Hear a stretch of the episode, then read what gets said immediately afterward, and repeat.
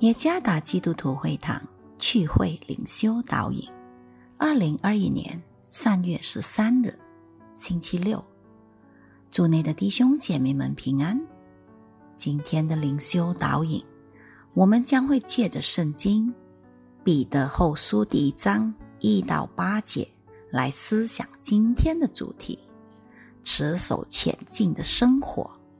作者于日信牧师。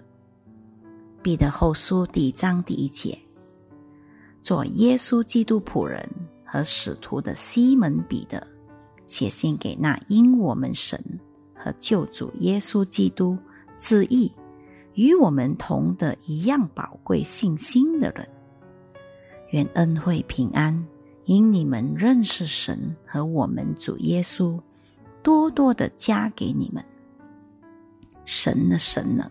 已将一切关乎生命和前进的事赐给我们，皆因我们认识那用自己荣耀和美德招我们的主，因此他已将又宝贵又极大的应许赐给我们，叫我们既脱离世上从情欲来的败坏，就得与神的性情有份。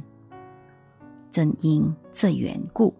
你们要分外的殷勤，有了信心，又要加上德行；有了德行，又要加上知识；有了知识，又要加上节制；有了节制，又要加上忍耐；有了忍耐，又要加上前进；有了前进，又要加上爱弟兄的心。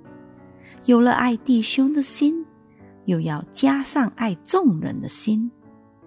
你们若充充足足的有这几样，就必使你们在认识我们的主耶稣基督上，不至于闲懒，不结果子了。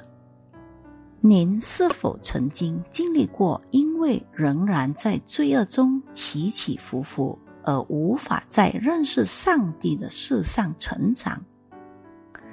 许多信徒就经历过这种感觉。是的，持守前进的生活并不容易。彼得劝勉持守前进的生活，在认识上帝时，信徒需要学习仁爱、恒心、前进和对他人的爱。迈向前进生活的一步，总是追求良善。积极的追求良善，努力行真理，节制也是一件重要的事情。因为我们经常遇到那些非常了解盖理论的人，陷入骄傲、情欲、苦涩、愤怒、嫉妒、作弊等等，这不是讽刺和耻辱吗？拥有毅力也很重要。毅力使我们能够完成已开始的工作，通过坚持不懈，将塑造出良好的品格。前进的生活是活出上帝品格的生活。这种人的特点是爱，不自大，不嫉妒和恼恨，最后拥有充满爱的生活。当爱在里头，便形成了一个爱的群体。基督教导我们，不仅要爱人如己，而且要爱我们的敌人。